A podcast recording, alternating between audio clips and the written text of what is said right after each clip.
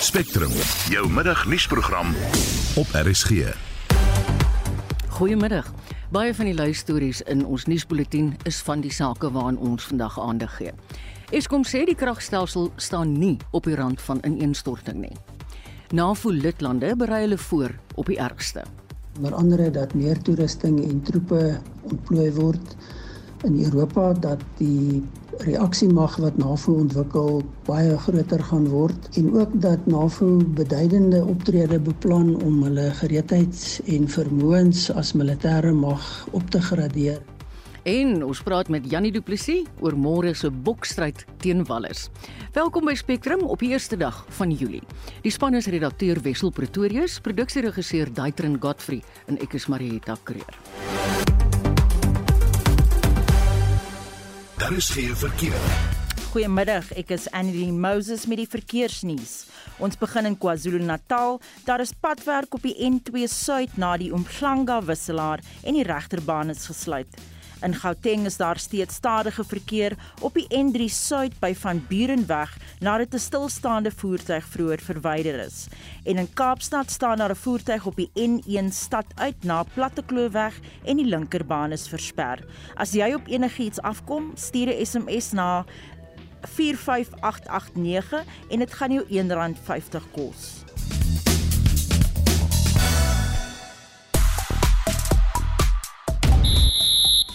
Goeiemiddag. In sportnuus vandag, die Spanjaard Rafael Nadal deur na die derde ronde by die Wimbledon tennistoernooi. Ons kyk na atletiek nuus en die Springbokke en Wallis pak mekaar môre in Pretoria. Meer hieroor 'n bietjie later. Ek is Christo Gawie vir RSG Sport. Ramaphosa must go is die hitsmerk op Twitter wat die land aan die gons het en waar allerlei redes gegee word vir hoekom die president sy posisie moet verlaat. En dan kry Eskom ook baie aandag nadat die land weer gebuk gaan onder fase 6 beerdkrag. Besparingsmaand begin vandag. Maar hoe moontlik is dit om iets weg te sit in die huidige ekonomiese klimaat? Ons wil dit baie graag by die luisteraars hoor. Kry jy dit reg om nog geld te spaar of is jy te diep in die skuld? Het jy dalk enige raad of is jy letterlik besparingsfoos? Stuur gerus vir ons 'n SMS 45889, dit jaag jou rand 50 in die sak. 'n Stemnota aan ons WhatsApp lyn 076 536 6961 of jy kan deelneem aan die gesprek op ons Facebookblad. Spectrum, jou middagnuusprogram op RSG. Welkom terug. Dit is nou 7 minute oor 12. Soos ons nou in die nuusbulletin gehoor het, die leier van die EFF, Julius Malema en sy mede-beskuldigde, Mbuyiseni Ndlozi, het weer vandag in die Randburgse Landdroshof op aanklagte van aanranding verskyn. Dit volg na 'n voorval by die begrafnis van wyle Winnie Madikizela Mandela, waar Malema na bewering 'n polisieman aangerand het toe die hom toegang na die begrafplaas geweier het. Ons praat nou met die SAK se verslaggewer Boesie Chimombe wat die gebeure vir ons volg. Good afternoon Boesie. Yes, good afternoon, Marietta. And Losi was expected to take the stand today. What was his testimony? Well, his testimony closely corroborated that of uh, Julius Malema. You'll remember that um, the EFF leader uh, testified uh, last month. Uh, basically, a, a detailed description as to what led to the physical uh, fracas between the two of them and the police officer Johannes uh, Fenter. Uh, basically saying that uh, they felt that their rights had been violated by Fenta, uh, who stopped them at uh, the um, entrance of the Four Ways Memorial Cemetery, uh, where um, Gunima Dikizela Mandela was being buried. And he says there was no basis for Fenta doing this because they had all the credentials uh, that were required to actually get into the cemetery. So did he also claim like Malema that nothing was going to prevent him from attending the burial? Well, he said yes. I mean, he felt uh, that uh, from a rights point of view, there was there was no basis for, uh, for, for, for, for, for anyone to stop him, given the fact that uh, all the processes had been Mm. followed. Uh, he says that it should have been. It, would, uh, I mean, this was the last stage of uh, this uh, uh, uh, funeral, and it should have been impossible for them to get into the stadium, have been in the parking lot, uh, side by side with um, leaders, uh, local leaders, and leaders from the continent. If in fact they didn't have uh, the required uh, credentials. Right. So uh, for him, he felt uh, that it was a, a violation of um, uh, his rights. Bosie, what is AfriForum's role in this matter? My understanding is that there was an initial uh, allegation that uh, AfriForum uh, was uh, was backing this uh, uh, court case uh, for Fenta. But what I understand now is that the, the, the, the name that has been mentioned has been the Solidarity Union, which on some level is affiliated uh, to to to to to uh, AfriForum. Uh, he is a member. It seems, uh, Mr. Fenta.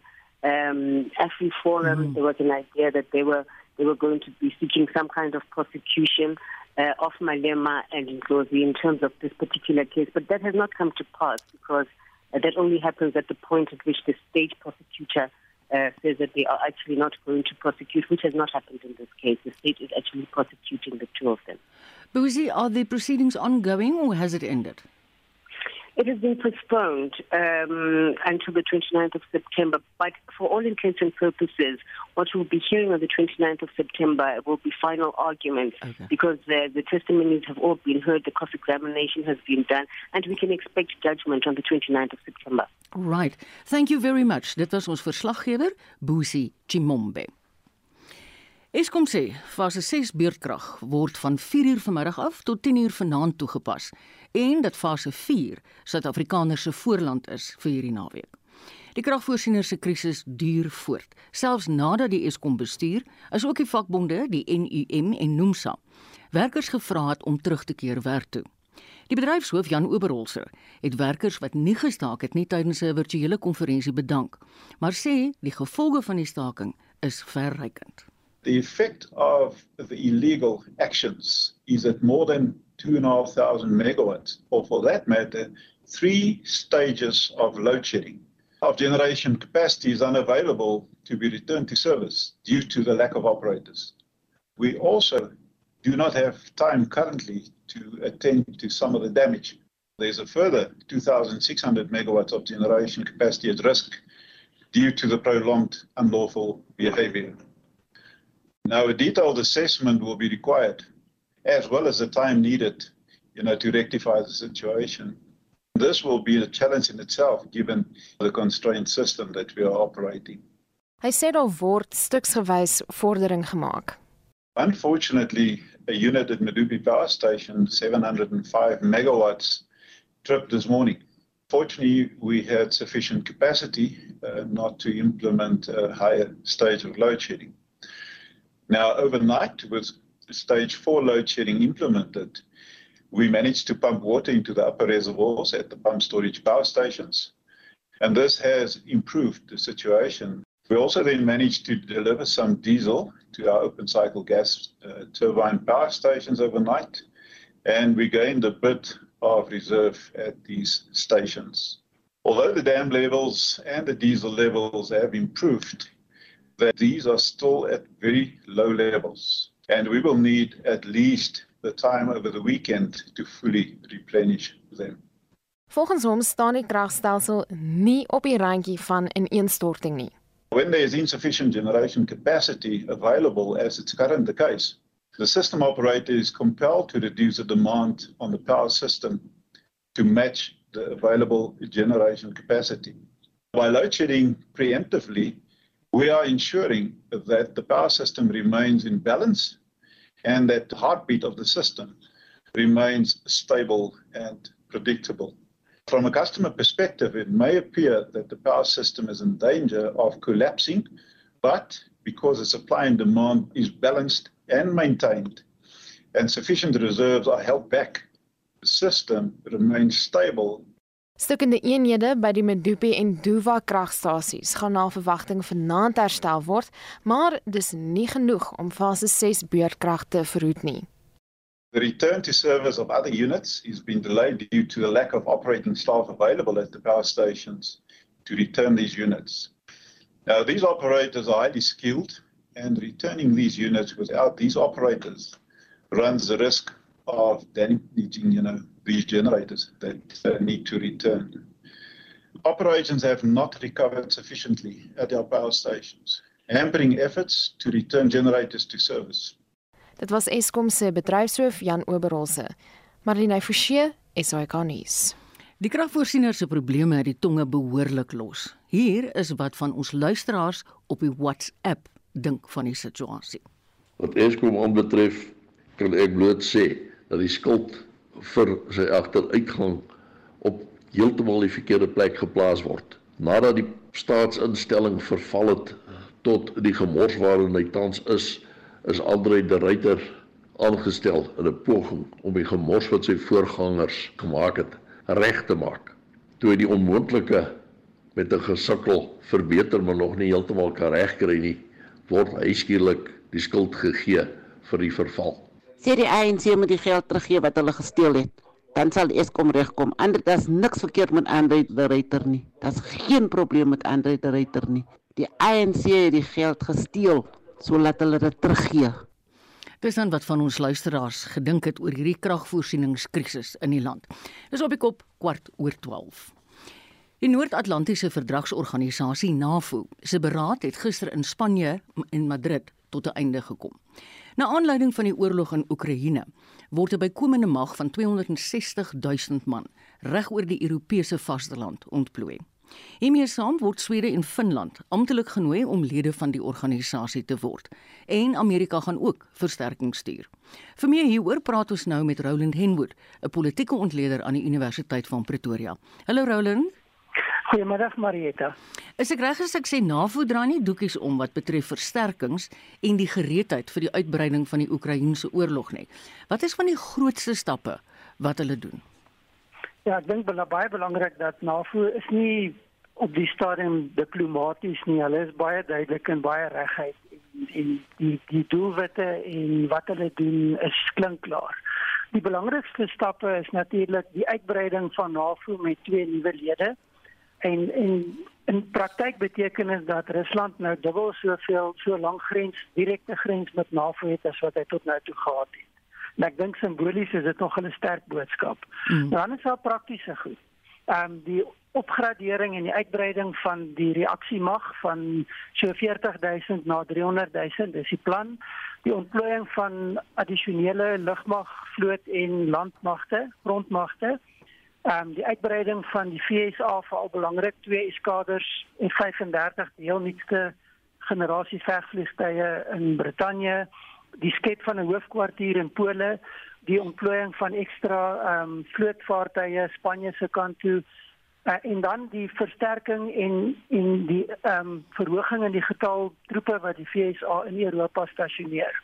Maar dit is belangrik want 3 jaar terug het president Trump alles afgeskaal, mense onttrek en eintlik gesê NAVO is nie belangrik nie en die VSA is nie meer verbind nie. So president Biden is besig om verder verder te gaan hy herstel maar hy verhoog ook die betrokkeheid van die FSA. Dan is daar ook 'n verbintenis van NAVO-lede om hulle finansiële bydrae, hulle begrotings vir verdedigingsdoeleindes te verhoog en dit verby die minimum drempel te vat wat NAVO vereis. En dit was een van die groot hoofpunte binne NAVO vir die afgelope klompie jare. En dit lyk asof dit nou tot 'n groot mate besleg is wat NAVO op 'n beter voet gaan plaas.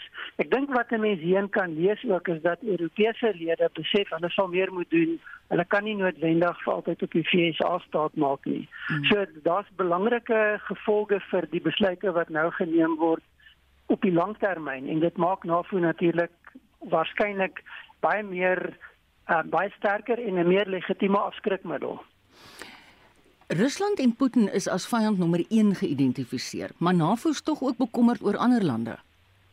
Ja, um, baie duidelik is baie van dit wat nou gebeur gerig op Oekraïne en Rusland se inval in Oekraïne en die bedreiging wat Rusland vir Europa inhou, maar daar word baie meer ook gekyk na veral China en onderliggend aan van die besluite wat geneem word En hier kan ons maar 'n koppeling maak aan die G7 beraad ook en die besluite wat daar geneem is. Mm. Is dit baie duidelik dat China definitief deel word van NAVO se fokus en langtermynbeplanning as hulle gaan kyk na hoe lyk die wêreld en wat is die bedreigings wat hulle identifiseer. Daar's heelwat klem wat geplaas word op die gebiede van die Indiese en die Stille Oseane. Hoe so? Ja, dit is waarskynlik besig om wat 'n mens kan noem die geopolitiese sentrum van die wêreld te word op die stadium. En dit gaan oor die ekonomiese belang van die hele streek, die sogenaamde Indo-Pacific. Dit gaan oor watter state is daar betrokke en veral China wat 'n groot bron van kommer vir onder andere NAVO is. Maar dan is daar ook ander aspekte wat belangrik word en dit is byvoorbeeld die uitbreiding van belange, die intrek van nuwe rolspelers nie as lede van NAVO nie, maar as belangrike bondgenote. En ons sien byvoorbeeld dat Japan, Australië, Nieu-Seeland en Korea byvoorbeeld hierdie NAVO-beraad bygewoon het en dit is nogal 'n belangrike nuwe ontwikkeling dat eksterne rolspelers mm. in daardie omgewing ingetrek word. Mm. Ons weet ook dat plekke soos Indië al hoe belangriker word en dat veral die VSA en Europa baie hard probeer om Indië volledig aan hulle kant te kry, want dit is 'n belangrike teenvoeter vir China. Ja, dit is sekerlik so. Die spanning tussen die ooste en die weste neem beduidend toe. Moet ons bekommerd wees dat die spreekwoordelike bom dalk kan bars? Ek dink nie mens moet bekommerd wees vir 'n skielike katastrofe nie, maar ek dink 'n mens moet wel kennis neem dat die era van noem dit maar die liberale ontspanningspolitiek van die postkoue oorlog wêreld is waarskynlik vereers verby. Ons is terug by 'n baie harde realpolitiek waar eie belange en magsvermoë en die druk wat jy kan plaas op jou opponente om dit vir hulle moeilik te maak, die kenmerk van politiek word. En dit bring natuurlik hoër spanningsvlakke en saam met dit die risiko vir konfrontasie. Ja, dit is baie waar. Baie dankie Roland. Dit was Roland Henwood, 'n politieke ontleder aan die Universiteit van Pretoria. Dis 20 minute oor 12.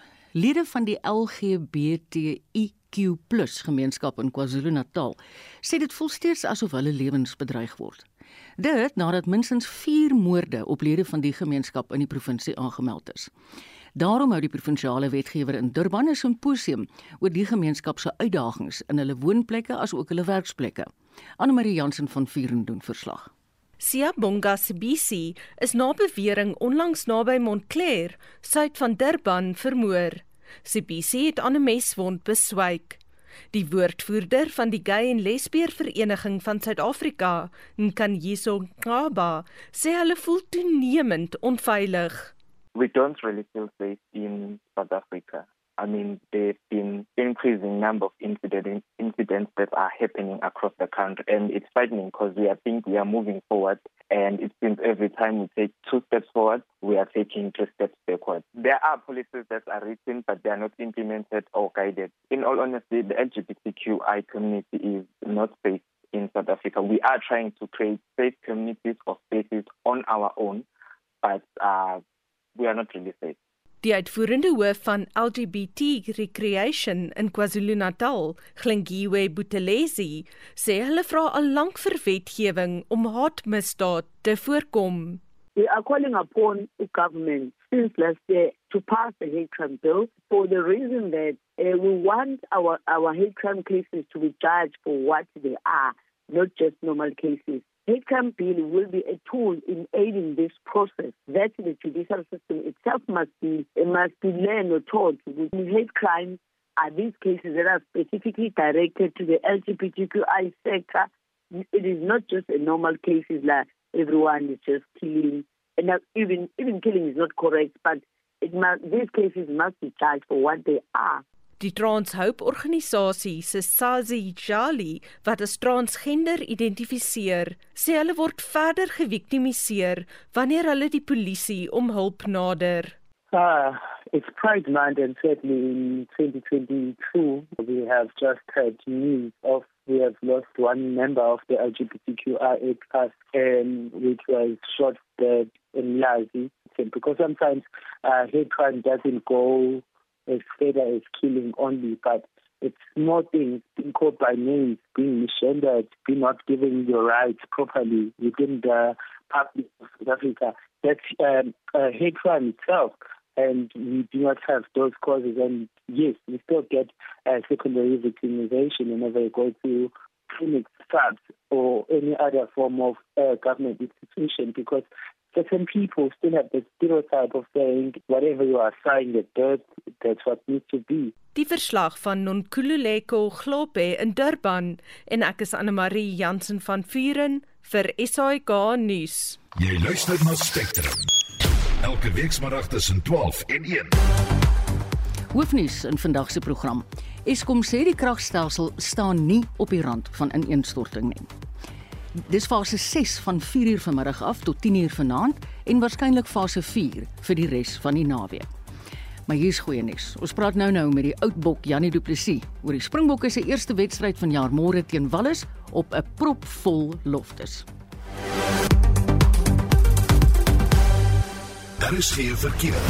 Ons begin in Gauteng. Daar staan 'n voertuig op die N12 Wes voor die Gelulies wisselaar en die middelbaan is versper. In KwaZulu-Natal staan 'n voertuig in die linkerbaan op die N2 Noord na Kwinandi Rylaan. En daar is padwerk op die N2 Suid na die Umhlanga wisselaar en die regterbaan is gesluit.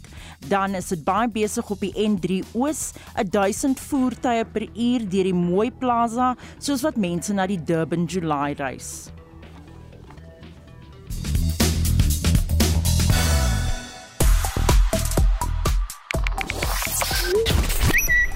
Mense klets op Twitter onder die hitsmerk De July, waarin hulle die nuwe maand vra om hulle goedgesind te wees. Die Durban July vind ook môre plaas en daar is groot opwinding oor die uithaler geleentheid op die sosiale kalender. Ons het vroeër in die program die luisteraars vrae gevra: "Krye mense in hierdie dag nog gespaar?" En ons het heelwat terugvoer gekry op die Facebook bladsy as ook op die SMS lyn. Petro Matthysen sê: "Ag nee, wat dit gaan maar moeilik met ons, maar ons leef en is darm gesond." Elise de Villiers sê: "Ek skuld net op my huis.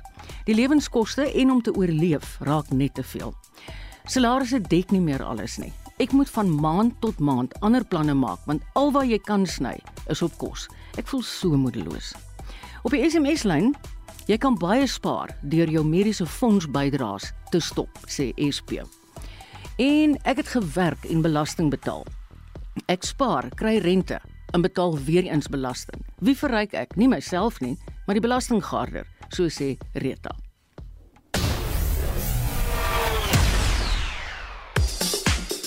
En hier is Christo Gawie met die jongste sportnuus. Goeiemiddag. Ons begin met tennisnuus. Die Spanjaard Rafael Nadal is gisteraand deur na die derde ronde by die Wimbledon tennistoernooi, maar hy moes baie hard werk vir die oorwinning. Die 36-jarige Nadal het Ricardus Parenkes in 4 stelle met 6-4, 6-4, 4-6 en 6-3 geklop. Die vierde stel is onverwags deur 'n reënbui onderbreek met die telling op 3-0 in Nadal se guns. Nadal sal in die derde ronde teen Italië se Lorenzo Sonego speel. Die Servier Novak Djokovic, die verdedigende kampioen en eerste gekeerde, speel vandag teen sy landgenoot Miomir Kecmanovic terwyl die 19-jarige Spanjaard Carlos Alcaraz, die vyfde gekeerde, teen die 32ste gekeerde Duitser Oscar Ott te staan kom. In atletiek het Suid-Afrika se naloper Akane Simbine die 100 meter naloop gisteraand op die Diamantliga byeenkoms in Swede gewen met 'n tyd van 10,02 sekondes. Reese Prescott van Brittanje was tweede in 10,15 sekondes. In rugby nie sal Wallis 4 en vlam wees om die vernedering van sy ses nasies nederlaag teen Italië teen die wêreldkampioen in Suid-Afrika te kom wreek. Die Wallis afrigtingspan het nie geheim daarvan gemaak dat hulle die bokke in die skrims wil aanvat in môre aan se eerste toets nie. Kwagga Smit wat môre in sy 20ste toets vir Suid-Afrika kan speel, mag dalk op vleuel uitdraf met die bokke wat net twee agterspelers, Hussel Jantjies en Willie Leroux op die plaasvervangersbank het. Daar is groot afwagting in die bokkamp oor Loftus Versveld wat môre volgepak kan wees. Die wedstryd skop net na 5 namiddag af en sal regstreeks op RSG uitgesaai word wanneer RSG se sportkommentators Jody Hendricks en Pieter van den Berg dit regstreeks van uit Pretoria bring. Op internasionale front is daar ook die groot kragmeting wat plaasvind vanaand om 8uur tussen Italië en Roemenië. Dis dan al vir die sportnuus vanmiddag. So sê Christo Gawie van RSG Sport. Onthou, RSG sê ook môre aand om kwart voor 8 die rugbywedstryd tussen die Kaling Kampioenskap en Italië A regstreeks uit en Johan Rademan gaan kommentaar lewer. Jy luister na Spectrum op RSG. En nou trek ons die fokus bietjie weier. Die nuutverkose president van die Pan-Afrika Parlement, Fortune Charumbira. Sy is gereed om die instelling se naam in ere te herstel. Die Zimbabwese politikus is deur die Suider-Afrika Caucus benoem vir die posisie. Die verkiesing is verlede jaar uitgestel nadat chaos tydens die benoemingsproses uitgebreek het. Parlementslede kon nie ooreenstem oor die afwisseling van die leierskapsposisie nie, veral nie tussen die vastelandse vyf streke nie. Vincent Mofokeng doen verslag. Die Pan-Afrika Parlement hoop om 'n nuwe blaadjie oor te slaan. Vir die nuut verkose Charombira gaan die herenigingsproses egter 'n kwessie wees van makliker gesê as gedaan. Indeed we have an enormous task after being absent from business for more than one year because of the acrimonies which are not a secret there was uh, quite um, big differences. I believe those have now been resolved in terms of getting into an election. But we still have a big responsibility in terms of dealing with a parliament MPs that have been divided, deeply divided. Die Suider-Afrikaanse Ontwikkelingsgemeenskap SADC se verteenwoordiger in die parlement, Pemi Majodina, sê hulle verwelkom die stap. Hulle wou juis hê die posisie moet oor die vasteland roteer word. We have delivered what we have committed to do and we did that peacefully because we followed the implementation of rotation as a principle. Die Namibiese Pan-Afrika parlementslid, McHenry Benani, is hoopvol. We need to unite this region, the region of Africa or the continent of Africa, and we have done a lot of work, a lot of diplomacy, a lot of horse trading, a lot of negotiations, bringing states that were not talking to one another to back us, especially the Northern Caucasus. We owe a great debt of gratitude to Egypt, to Algeria. Malawi se kandidaat vir die pos, Jeremia Chihana, sê egter die proses is onbetroubaar. Hy het nie SADC lidlande se ondersteuning geniet nie en sê hy erken nie die uitslag nie. Die verslag van die Taba Tsotetsi. Akas Vincent Mufokeng vir SAI Garnis. Ons bly by die onderwerp en vir sy mening sluit Solidariteit se internasionale kommentator Jaco Kleinhons by ons aan. Hallo Jaco. Goeiemiddag Marita. Wie is Fortune Charumbira en hoekom is jy hy gekies? Ja, uh, Marita, baie interessante keuse. Uh, Charumbira is 'n tradisionele leier uh, in Zimbabwe. Hy um, is ook 'n senator in Zimbabwe se senaat. Dit is spesifiek vir 'n uh, posisie in die in Zimbabwe se senaat wat vir tradisionele leiers gereserveer is. 2013 is hy ook die voorsitter van tradisionele leiers in Zimbabwe.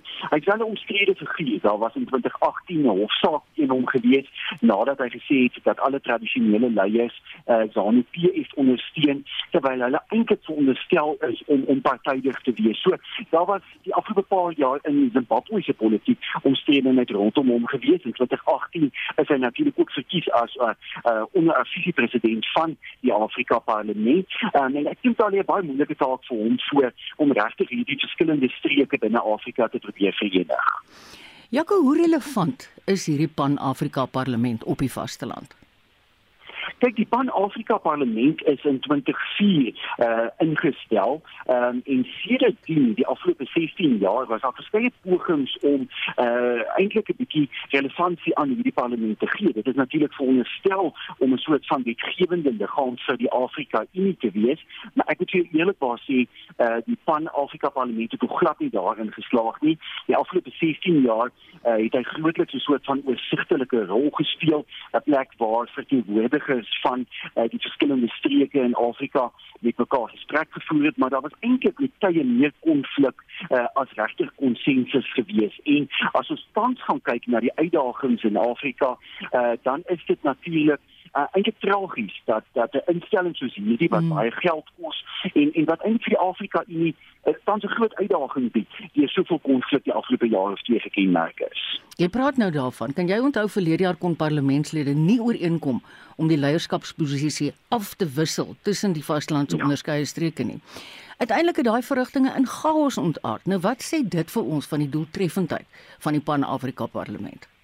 Heeltemal korrek, jy weet in Junie verlede jaar was hulle veronderstel om 'n nuwe president uh, te verkies. Onthou die vorige twee presidente het al twee uit Wes-Afrika gekom en daar was juis ongelukkigheid met ander uit ander streke dat die aktiwiteite deur Wes-Afrika lande gedomeineer word. Ehm um, uh, die Afrika Unie moes uiteindelik nou self ingryp, nee, en hulle moes eintlik hierdie rotasiestelsel afdoen uh, op die uh, Afrika Parlement om te bepaal die verskillende streke moet dan nou afwissel elke jaar moet 'n ander een se uh, se keuse uh, uiteindelik die uh, vir die presidentskap uh, ingestel word. Daar kon eintlik geen konsensus binne die parlement self bereik word en en, en daarom dink ek as ons kyk na die ekonomiese uitdagings tans in Afrika, die geweldige skuldkrisis wat saamval met internasionale uh internasionale um, ekonomiese probleme, hongersnood tans in Oos-Afrika, mm. geweldige probleme met terreur, maar dit ons kan aanhou en aanhou daaroor en dan dan dink ek nie eintlik is daar ernstige prioriteite waarop tans gefokus moet word en dit lyk nie regtig asof hierdie Afrika Parlement homself tans daarmee besig hou nie.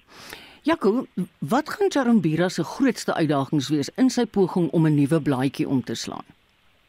Ek dink die eerste stap wat hy sal moet probeer neem is om die legitimiteit van die Afrika Parlement te herstel. Daar is by baie Afrika lande en en en ook dan streke in Afrika eintlik maar skeptisisme oor die die rol van die Afrika Parlement. Jy sien eintlik dat streeksliggame in Afrika uh, eintlik voortgaan om om hierdie funksies te begin vervul. Uh, in Wes-Afrika sien ons sulke groeperinge en in Oos-Afrika sien ons baie sterk leiding van byvoorbeeld Kenia uh, om om eintlik self in 'n streeksverband uh, eerder dan saam te werk om sensus oor wetgewing te probeer bereik en en daarvandaan uh, verder te te werk. En eintlik is daar nie op hierdie stadium van uit Wes-Afrika, Oos-Afrika en Noorde van Afrika regtig 'n sterk dryfveer om te sê mm. dat alle Afrika lande moet saamkom en en wetgewende soort van konsensus probeer bereik. So ek dink vir eerste uitdaging gaan wees uh, om soveel of uit dan eerder 'n meerderheid van Afrika lande te oortuig dat die Afrika Parlement wel 'n rol het om te speel. Baie dankie. Dit was Solidariteit se internasionale kommentator Jaco Kleinhans op die kop 20 voor 1. Dis asof die land in 'n staat van oorgerusheid verval nou dat COVID-19 regulasies verslap is en mense nie meer maskers hoef te dra nie. Is COVID-19 nog die gevreesde siekte wat hy voorheen was en kan ons bekostig om minder waaksaam te wees? Ons praat nou met die infeksiebeheer spesialist by die Tygerberg Hospitaal in Kaapstad, Dr. Jantjie Taljard. Hallo Jantjie. Hallo Marita. Is hierdie 'n siekte wat ons nou agter ons kan plaas of moet ons nog op ons hoede wees? Ek dink die antwoord is seker maar beide van daai. Ek dink ons kan definitief die die erge dodelike siekte vir 'n groot hoeveelheid mense um, vir ons lyk asof uh, dit 'n uh, minder ernstige siekte is vir baie mense. Maar in dieselfde asem moet mense sê dat uh, daar nog steeds mense wat sterf aan aan COVID-19 en dit bly uh, vir mense met hoë risiko nog steeds 'n ernstige siekte. Kom ons kyk bietjie na môre se kragmeting oploftes. Kan dit as 'n superverspreider geleentheid beskou word? Dit is potensieel nie net natuurlik nie net vir vir COVID-19, ons sien baie ehm um, griep op die oomblik ook wat uh, natuurlik ook mense baie sien ook.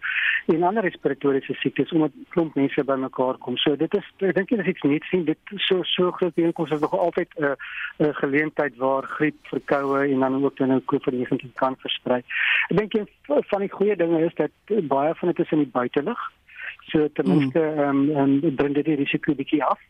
Ehm um, en dan ehm um, maar daar's natuurlik negatiewe dinge dat soos soos mense son nou skree en gaan en so aan wat natuurlik ook nou verdere versperring kan veroorsaak. So ja, potensieel is dit. Hoopelik is meeste van die mense ingeënt. Ehm um, en dan sal hulle indien hulle sou COVID-19 kry, sal hulle nie ernstig siek word nie. Jantjie, sou jy mense aanraai om nog maskers na sulke geleenthede te dra?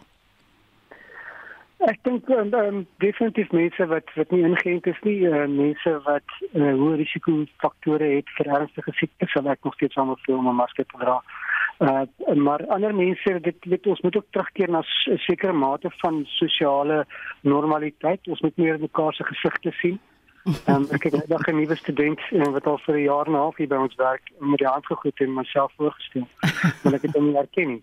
So ek dink dit is baie belangrik dat ons ook dat ons ook bietjie terugkeer na 'n sekere mate van normaliteit, maar tog nog steeds die risiko uh, besef en en, en probeer verminder waar waar dit vir alle verskil kan maak. Hoeveel mense laat hulle nog in en het jy 'n idee? Nee, weet jy, dit wissel maar van plek tot plek en hoe sterk die die die ehm um, die kan of die aanmoediging is. Um, maar dit het definitief baie afgeneem met die dat die die laaste golf van COVID-19 nie so baie ernstige siekte veroorsaak het nie. Dink jy ons is op die einde van hierdie siekte of verwag jy nog 'n vlag? Ek dink ons gaan eh, ons ons moet miskien ons terminologie verander. Ons moet dit nou begin integreer in die manier hoe ons na na respiratoriese infeksies kyk. oor die algemeen en, en ons kan verwag om dit jaarliks te sien of een keer per jaar of twee keer per jaar. Mm. Uh, verhoging in gevalle soos wat ons ons ehm um, um, griep en verkoue ook sien. Jantjie, is daar ehm um, plekke op die val? Ek praat nou van die diep platland waar mense hulle wel nog kan laat in en is die voorraad genoegsaam? Weet jy maar dit ek is nie 100% seker dit voorraad ja daar's definitief voorraad maar ek sien seker of dit goed versprei is oral in die in die diep platteland nie mm. en of mense in daai areas uh, toegang daartoe kan het nie. Uh, mense in daai areas sal waarskynlik beter weet want daar sal toegang is sal dit sal dit goed ehm um, bekend wees. Jantjie baie dankie. So ek lei af as jy nou môre lof toe self sou gaan, dan sou jy wel jou jou masker gedra het. Ek sou ek sou my masker dra. Ek sou oor 50 jaar oud, so ek sou dit my masker gedra het. Ja. baie dankie. Dit was die infeksiebeheer spesialis by die Tygerberg Hospitaal in Kaapstad, Dr. Jantjie Taljaard. En ons gaan voort met Spectrum is kwart voor 1. Wallis se toer teen die huidige rugby wêreldkampioen skop môre middag net na 5 af. Die Springbokke sal vir die eerste keer in 2 jaar voor 'n vol stadion speel. Meer as 50 000 rugbyliefhebbers het kaartjies gekoop vir die geleentheid na die afskaffing van die laaste COVID-19 inperkings. Vir so 'n voorskou van môre se wedstryd praat ons nou met die voormalige Springbok stut en SAIK sport rugby ontleder Janie Du Plessis. Goeiemôre Janie. Goeiemôre Marieta. Goeiemôre luisteraars. Hoe sterk is hierdie groep van Wallers? So, Marietta, ek dink as mens kyk na die groep dan uh, en en hoe hulle provinsiale spanne gedoen het, kan mens uh, baie keer dink hulle hulle is uh, hulle is nie so sterk nie, maar ek het vir 10 jaar lank teen Wallis gespeel en ek het nooit 'n maklike toets teen Wallis gehad nie. En en ek dink as mense terugdink aan die tye toe ons baie keer klein getrap het in Super Rugby, ehm um, wanneer die Springbokke bymekaar kom, was dit 'n perd van 'n kleur. So um, ek dink nie dit is 'n swak walle span nie. Inteendeel, ek dink dit gaan 'n groot uitdaging vir die Springbokke wees. Regtig? Ja, ja, hmm. hulle het baie hulle is goed gebalanseerd. Hulle het genoeg ehm um, ervaring daarso en ehm um, en hulle is natuurlik versterk deur 'n paar spelers wat in die Premier Liga speel in mm. Engeland mm. en in die Franse Liga speel. So dit is nie heeltemal heeltemal die selfde Walliese spelers waarteen ons gespeel het in die ehm um, in die Verenigde Rugby Kampioenskap nie. Dan blyk daar 'n goeie kontinuïteit te wees as dit by ons voorry kom. Het ons nou uiteindelik 'n onstuitbare skrimgroep in die 23 taal wat vir jare kan saamspeel? Wel, ek dink ek dink dit dit moet lekker wees as jy afrigter is en jy kan kies jy jy wêreldklas spelers in elke posisie in die voorry. Ja, ehm um, natuurlik het het Fox ehm um, in chess sy eh, ehm uh, um, sy beurt om om die, om om die wedstryd te begin in Steven Kitsoff in, in Steven Kittel se plek. Ehm um, en Bonkie Bonambi ehm um, saam met Frans Malherbe, dit ek bedoel dit is 'n uitstekende in die, een van die beste voorry in die wêreld en en en om hulle te kan vervang met spelers soos Steven Kitsoff en Malcolm Marx en Vincent Koch. Mm. Ek bedoel dit moet dit moet vir enige afrigter lekker wees om om om daai daai keuses te kan maak. Kom ons praat 'n bietjie oor spankeuses. Hoe voel jy oor die geleentheid wat Elton Jantjies nou het op loskakel? Ek dink Elton het uitstekend gespeel vir baie lank. Ek dink ehm um, Andre is net so goed. Ek dink egter Andre het bietjie op die bank gesit in Montpellier en hy het bietjie senter gespeel. So dalk dalk gaan dalk en Rassie besluit hulle om um, om ehm um, bietjie vir Elton 'n kans te gee. Ek dink nie mense moet te veel lees daaraan nie. Ek dink beide spelers is uitstekend uitstekend. Um, niemand sal die Springbokke in die steek laat van die twee nie. Ehm um, ek dink dalk het hulle net besluit as hulle vir Wallis geontleed het, Elton uh, pas beter vir hierdie naweek as as um, as Hanrey en ek dink dit is dit dalk hoekom hulle 'n kans gegee het. Mm. mm. Nina het dit ook hierdie week gesê dis hoogtyd dat Damien Willems sy geleentheid kry in die span. Hy dryf draf uit op heel agter. Dink jy dis die einde van die Willie Leroux era? Sien, ek dink as spelers soos Willie voeg baie waarde toe in in in 'n in die groep omdat hy hy's lank daar en hy soos ek sê baie ervaring hy hy al deur baie druk situasies. Ehm um, maar ek ek ek stem saam met Jock. Ek dink Damien Willem sê het vir die WP of vir die Stormers verskriklike goeie rugby gespeel. Ek bedoel hulle het end uitgegaan en uiteindelik die finaal gewen. Ehm um, en en enige speler wat goed presteer wil daarom altyd hy hy natuurlik kan niemand niemand kan daarop aandring om gekies te word nie, maar jy jy wil glo jy het 'n kans om gekies te mm. word en en Damien het uitstekend gespeel. Ek bedoel die die WP het het uh, of die Stormers het uiteindelik ehm um, die Verenigde Rugby Kampioenskappe gewen en ja, ek dink dit is dit is dit is goed om spelers te beloon wat goed speel. Wat is jou voorspelling vir môre as ek jou hierdie tye kan vra? Wel, ek ek dink dit gaan soos ek sê, ek dink dit gaan baie as um, as wat mense verwag. Ehm um, as 'n mens die geskiedenis van Loftus in ag neem en dat dit die eerste toet, toetswedstryd is sedert ons wêreldkampioene is waar wat uitverkoop is en ehm um, en natuurlik Noordrand of uh, die Blou Bulle se ondersteuners is passievolle Springbok ondersteuners. Ehm um, en die geskiedenis ehm um, wat Wallis op Loftus Versveld het dink ek ons behoort op die einde gemaklik te wen, maar dit gaan nie 'n maklike wedstryd wees nie. Ons gaan hard moet werk daarvoor. Ek kan hoor jou antwoord is baie gekwalifiseer en ons gee ons ouderdom weg as ek en jy nog praat van Noord-Transvaal, né? Lekker kyk môre, hoor. Dit dit was die voormalige Springbok stit en die SAIK se sport rugby ontleder Janie Du Plessis. Is ingeskakel op RSG en luister na die program Spectrum. Die afgelope week se wipplank ryery tussen fase 4 en 6 beurtkrag het ons laat wonder of die huidige bestuur hond haar afmaak.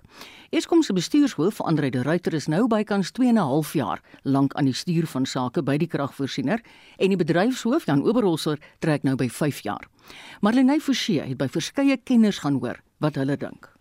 Corneel Skabort aan die Noordwes Universiteit se skool vir chemiese en mineraal ingenieurswese gebruik die formule 1 om tongenetjies sy mening oor die ruiter se vordering te maak. Andre de Ruiter is die Lewis Hamilton in vanjaar se Mercedes. Die kar is definitief nie op standaard nie, maar die bestuurder is steeds wêreldklas. So die Eskom wat Andre geërf het, was 'n gebroke Eskom.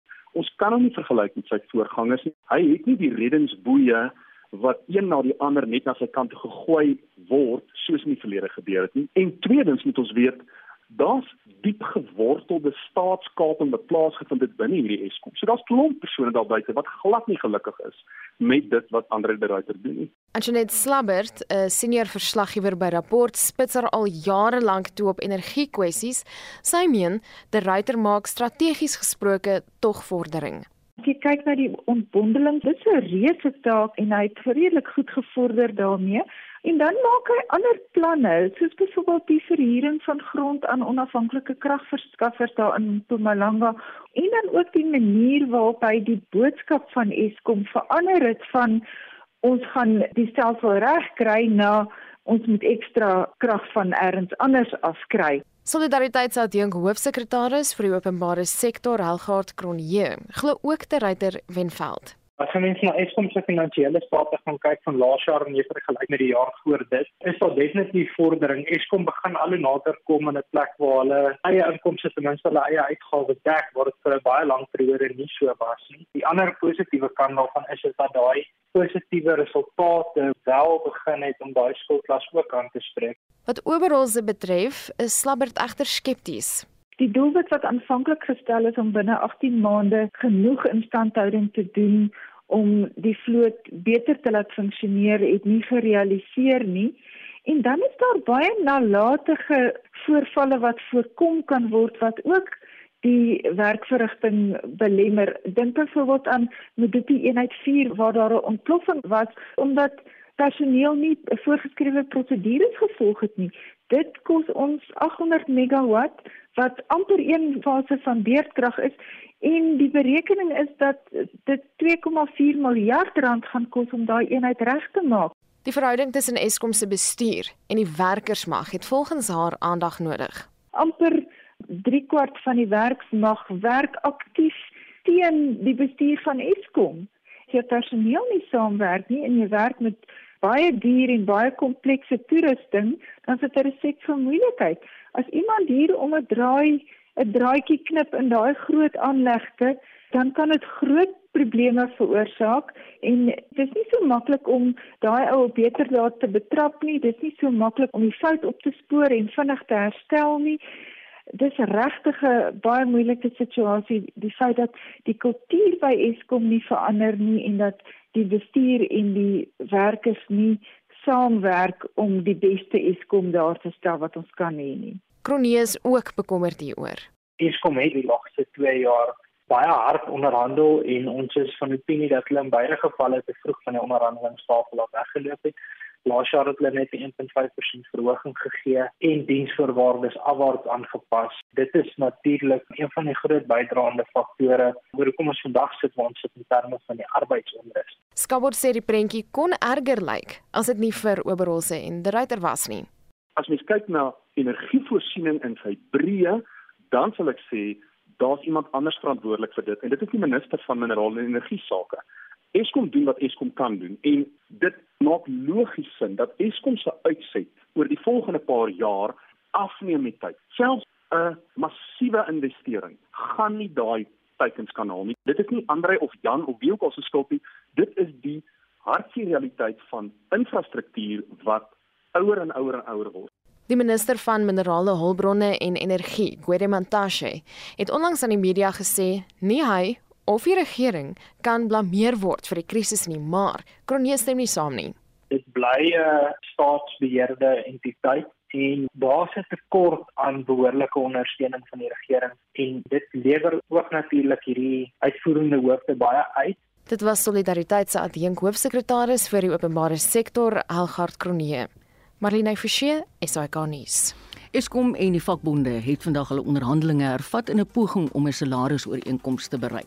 Ons het vroeër gevra of jy in hierdie baie taai tye nog enigsins kan spaar en hoe doen jy dit? Martief Brits sê vir my skuld, skuld vat 'n groot hap uit jou salaris. Spaar eers, koop dan. Spaar elke maand ietsie al is dit hoe min en as jy huisverband het betaal ekstra af van hom. Dirk de Lange sê moenie skuld maak nie. Onthou jy moet dit terugbetaal. Op die SMS-lyn sê Ben, die ANC verwoes alle spaarpogings met hoë petrolpryse. En Louis sê: Spaar. Rook jy? Los dit. Drink jy? Los dit. Die geëetery by restaurante los dit. Daar's 'n duisend plekke waar jy kan spaar. Nou op daardie positiewe noot sê ek namens ons hele span hier in die Spectrum Ateljee totsiens geniet die naweek en mag die bokke wen. Onthou jy kan al ons programme Monitor Spectrum Brandpunt almal en kommentaar op RSG se webblad kry by rsg.co.za. Ons uitvoerende regisseur Nicoline de Wee, vandag se redakteur Wessel Pretorius en ons produksieregisseur Daitrin Godfrey. Luister lekker na 360 wat voorlê en hulle sit in die Kaap gereed met die 1 uur nuusbulletin. Totsiens.